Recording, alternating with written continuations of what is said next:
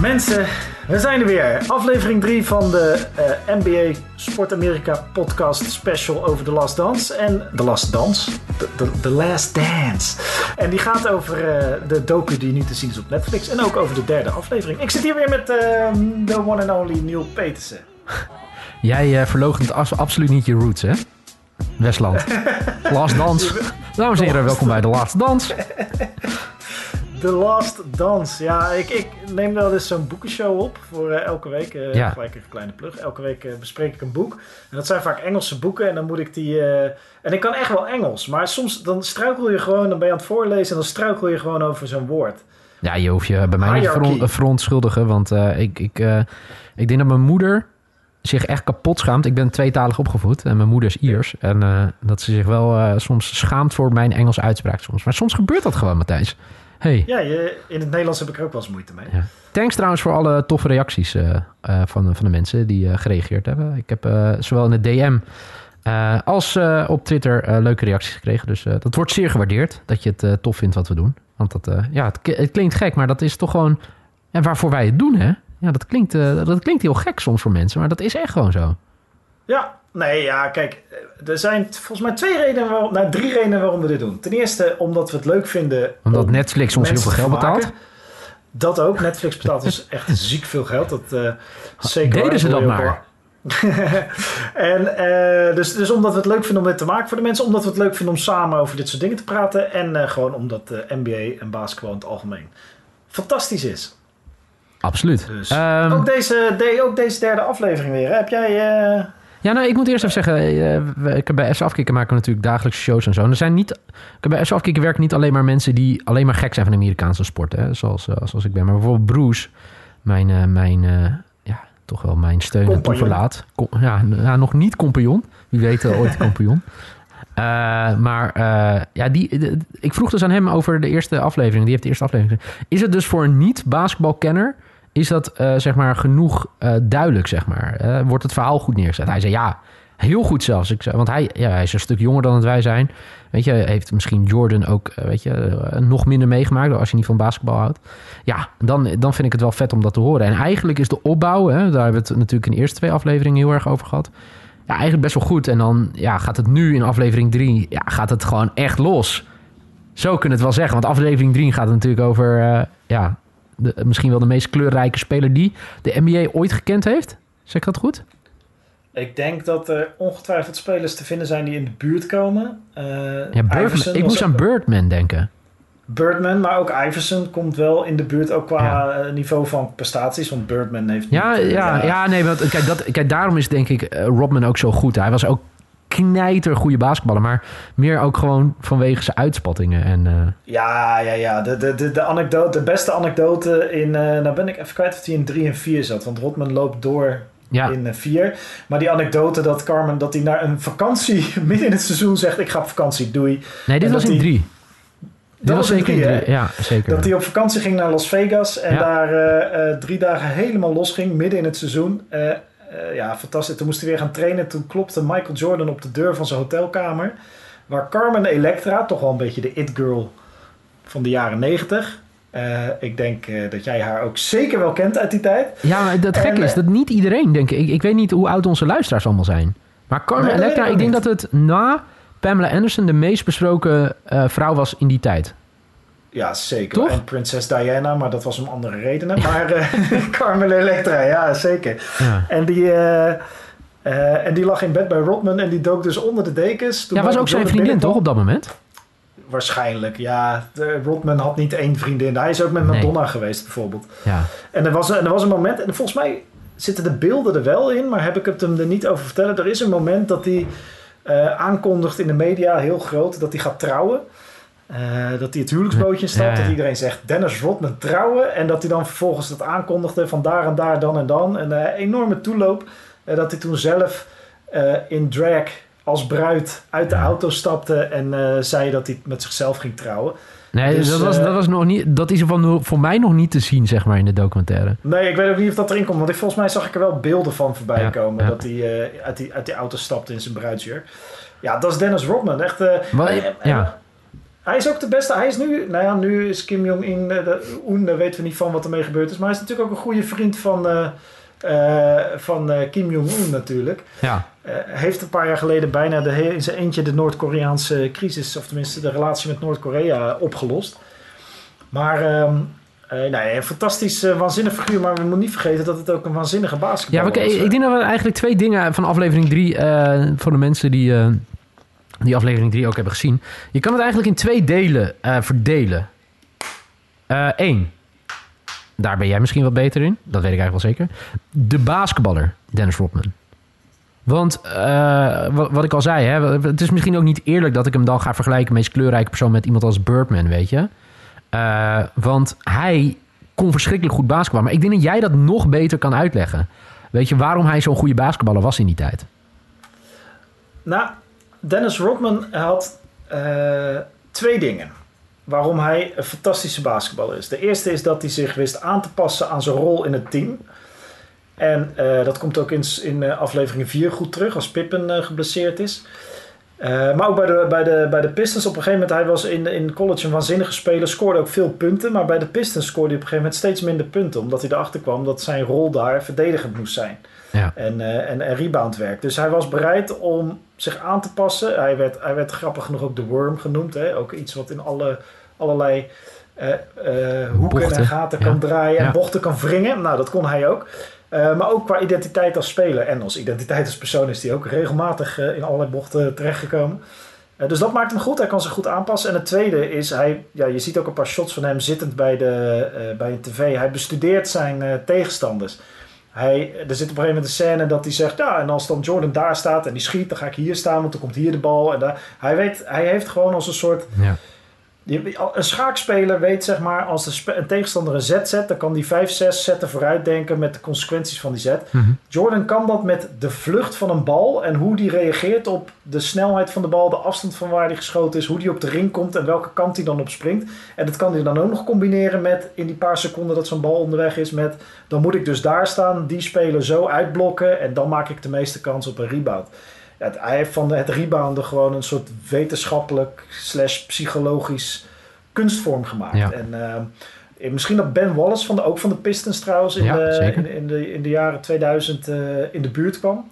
Maar uh, ja, waanzinnige basketballer die echt heel goed wist waar hij moest zijn, op welk moment. En die ook zijn tegenstanders goed kon bestuderen. Dus hij kon heel goed anticiperen op wat er ging gebeuren in het basketbal. En als je dat kan, als je kan zeg maar met een vrij grote kans kan inschatten wat de volgende bewegingen van de spelers en de beweging van de bal is, ja, dan, Dan, dan, ben je, dan ben je gewoon heel goed. Want basketbal gaat zo snel. Dus als jij goed kan anticiperen, ben je, zoals Cruijff altijd zegt, je moet gewoon net wat eerder op de plek zijn. Dan die om snel te zijn, je moet gewoon eerder op de plek zijn waar je moet zijn. Maar dat vind ik wel het meest fascinerende. Hè? Want dat hebben we ook in afleveringen 2, 1 en 2 gezegd. Kijk, ik heb het toen echt minder meegekregen. En Dennis Rodman was voor mij ja een goede basketballer. Want uh, ik zag mooie dingen in de highlight uh, filmpjes. Maar vooral nu het beeld wat ik zag, wat ik heel tof vond, is weet je, hoe hij dan echt voor die tv zit en beelden zit te analyseren. En dat hij alleen maar beelden aan het bekijken was van: oké, als die gooit, dan krijgt hij zo'n spin mee. Hè, dan draait hij die kant op de bal en eh, die kant op de, de bal. Maar eh, weet je, het was voor mij een beetje wat ik net al zei, twee, tweeledig. Weet je, ik, ik vond het heel mooi om te zien de, uh, de basketballen, maar ik kan ook ik vond het ook best wel moeilijk om hem te zien, weet je. Want hij vertelt op een gegeven moment dat hij, uh, als ik het goed zeg, op uh, zijn 18 het huis uitgaat. Het huis uit moet, op straat gezet. Dat hij, ja, dat hij twee jaar aan het zwerven is geraakt. Hè. En wel elke dag naar de gym gaat. En overal een beetje slaapt. En hier slaapt, daar slaapt. Niet aan het drugs raakt. Voor mij komt hij niet uit de, uit de beste buurt. Uh, en op een gegeven moment een kans krijgt om te gaan basketballen. Bij een, bij, een, bij een college. Maar vooral dat gedeelte, ik zie het in alles terug. Ik, hij is namelijk uh, enorm extravert. Maar het lijkt me totaal geen slecht persoon. Het lijkt me echt een lieve jongen. Ja, volgens mij ook. En je merkt ook op een gegeven moment dat hij, uh, dat hij, uh, dat hij zegt... basketballen, misschien is dat ook wel aflevering 4... maar basketballen is makkelijk. Zeker als je zoals hij en talent hebt en goed getraind bent... en het, het spel echt bestudeert. Hij zegt, basketbal is makkelijk, alles eromheen, dat maakt het moeilijk. De druk, zeker bij de Chicago Bulls natuurlijk, ja, dat is aflevering 4. Ehm, die druk is enorm groot en, en, de gekte eromheen is waanzinnig. En dat verklaart ook waarom hij op vakantie wil. het, het, en, en zijn, zijn zucht naar een soort individuele vrijheid. Ja is, eh, eh, maar dan wel in een professionele organisatie aan bepaalde disciplines moeten houden. Ja, dit, dat, dat botst. En zoals je zag bij, bij de Pistons ging dat goed. Die Chuck Daly, die daar zijn coach was, die wist hem heel goed uh, te begeleiden. Bij de Spurs, waar hij daarna terecht kwam, daar werkte dat voor geen meter. Nee. En toen kwam hij vervolgens bij de Bulls en daar ging dat gewoon weer. Want daarover gesproken, dat hij die vrijheid kreeg. Aflevering 3 gaat natuurlijk. Hè, kijk, de hele documentaire gaat over het laatste jaar van Jordan bij de Bulls. Maar aflevering 3 gaat ook heel, heel groot gedeelte over de Pistons. Ja. Over wat voor een vechtmachine, letterlijk en figuurlijk, het was in die tijd. Ja, zo ook het imago. Hè? Zo goed gecultiveerd imago. Zoals een, eh, onze welbekende, veelbesproken uh, fase zei vandaag. Ja. Uh, op de WhatsApp tegen mij. de Bad Boys in de jaren 80 hebben natuurlijk een naam. Dat ze dachten, ja, wij zijn niet het meest technisch begaafde team. We hebben individueel niet de beste kwaliteit in huis. Maar als wij gewoon harder werken, harder vechten en letterlijk vechten. In die tijd kon wat meer uh, onder de basket. Dan, uh, dan maken we een kans. vroeger kon er veel meer. Hè? Dat is eigenlijk in elke sport zo. Hè? Er waren nog geen camera's. Uh, ja. Nee, dat niet. En, je, en, je, en, en ook de regels waren wat minder streng. Ja. Dus die, ja, die bad boys die hakten. En, en ik denk niet dat ze... Ik denk, niet dat ze, ik denk dat er teams zijn die misschien nog wel erger zijn geweest. Of spelers die misschien nog wel erger zijn geweest. Zeker in de jaren tachtig. Mm uh, maar zij maakte daar een soort imago-dingetje van, zodat het ook psychologisch ging werken. Maar, je weet, als je naar de Bad Boys moet, ja. dan ga je ellebogen happen. Nou ja, eh, weet je, en succesvol. Laten we dat ook niet. Kijk, het, was geen vechtmachine ja, zonder succes. Nee, zeker niet. Het was ook het, het was een vecht. Kijk, dat is een imago, maar ze konden ook gewoon heel goed basketballen. Vergeet het niet. Goede verdedigers. Ook, eh, er zaten heel veel link, parallellen zitten er tussen uh, de, de, de Bad Boys van de jaren 80 en de, de Pistons die in 2004, 2005 eh, domineerden in de, in de NBA.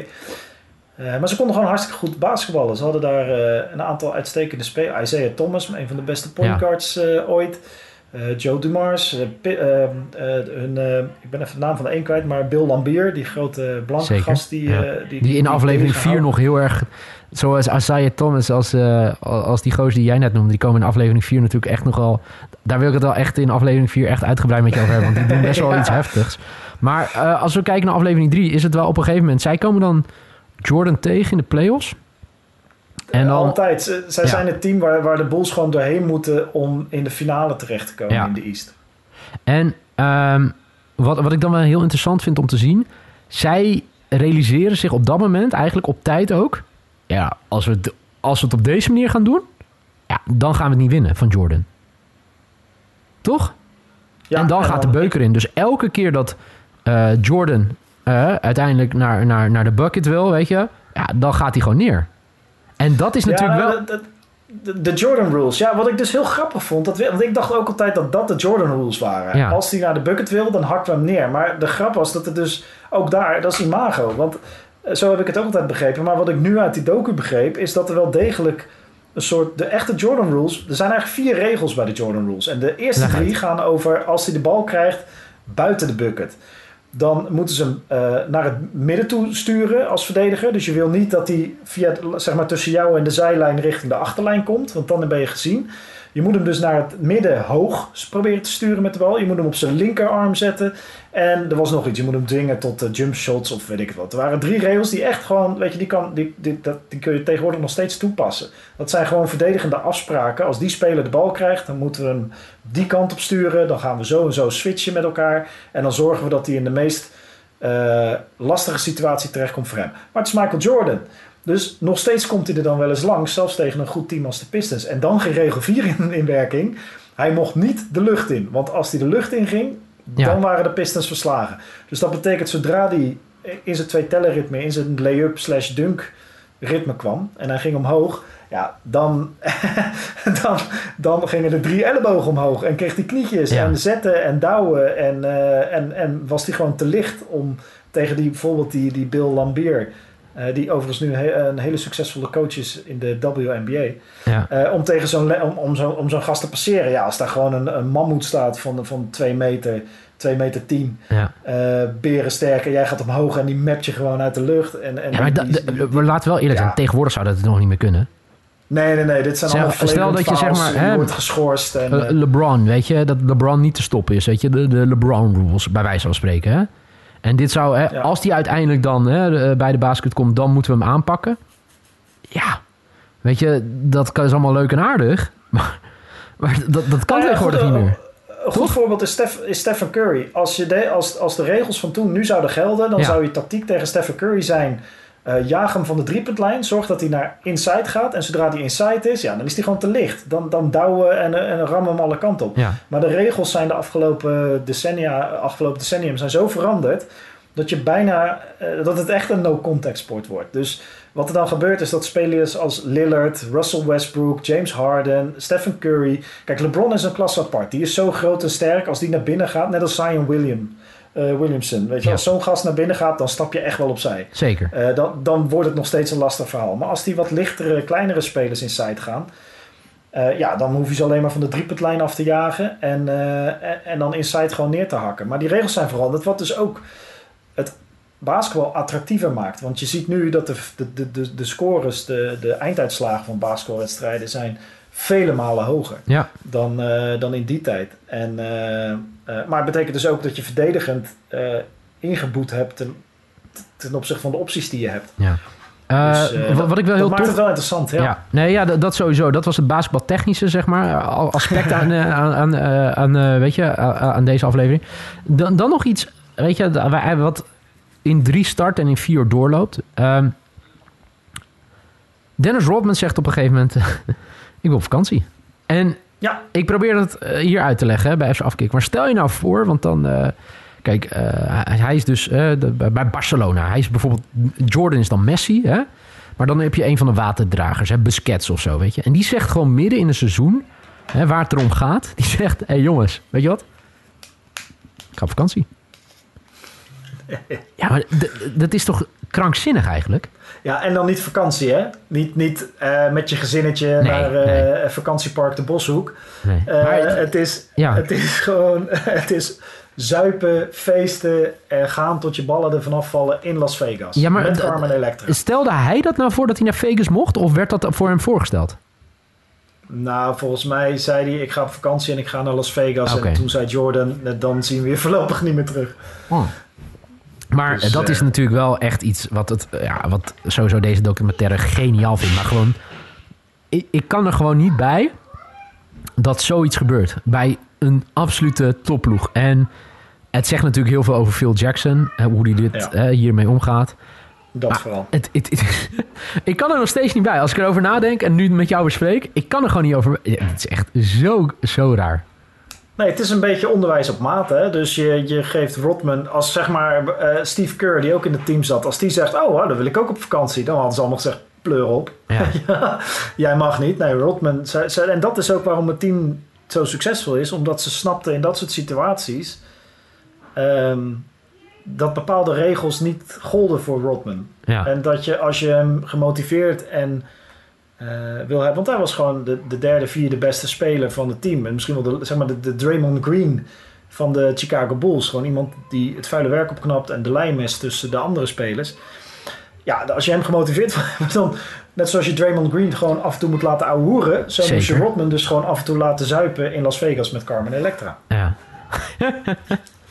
en dan ook Carmen Electra, die voor mij echt wordt neergezet als zijn vriendin. Want zij is ook op een gegeven moment uh, in... Uh, uh, in, in, de slaapkamer als Jordan aanklopt hè, in Vegas. Ja. Overigens zag ik op Twitter fantastische memes voorbij komen ook van, uh, van Jordan. Die zei, nee, ik haal hem wel op daar. En dat je dan vervolgens foto's van Jordan zag in Vegas. Dat hij het ook absoluut niet erg vond om daarheen te gaan. vond ik fantastisch. Maar Carmen Electra, die komt dan ook aan het woord. Uh, nu, weet je, als vriendin zijnde in die periode. En je ziet gewoon in de beelden die we zien vanuit Vegas... zie je Carmen Electra, ja, één avond bij een diner naast Rodman. Maar je ziet ook gewoon, acht, ik heb ze geteld, 837 verschillende vrouwen. Ja, klopt. Bij Rodman. Ik kwam, ik kwam, ik kwam 835, maar je bent... Uh, nee, ja, die twee achterin, uh, ja. Nee, maar weet, weet, weet, je wat ik wel had? Dat ik echt zoiets had van... zo bizar. Dennis Rodman is zo bizar dat je de vriendin van hem in die tijd aan het woord laat. Die met hem in Vegas was. Maar die het minst in beeld is als vrouw zijnde. ja, die man had het goed voor elkaar. Lang, groot, vrolijk en uh, een facebase die ook nog eens heel atletisch is. Ja, wat is jouw beeld om, om zeg maar deze recap van aflevering 3? Want die, die draait natuurlijk eigenlijk volledig om Dennis Rodman. Maar wat is, jou, wat is jouw, ja, jouw, jouw beeld van hem of jouw mening over hem? Van Rodman? Ja. Nou, als basketballer fantastisch. En als uh, persoon, net als... volgens mij hebben we het hier ook over gehad in de vorige aflevering uh, als persoon een beetje net het kaliber Jerry Krause, weet je wel, op een andere manier. Gewoon een, een tragisch of tragedisch figuur.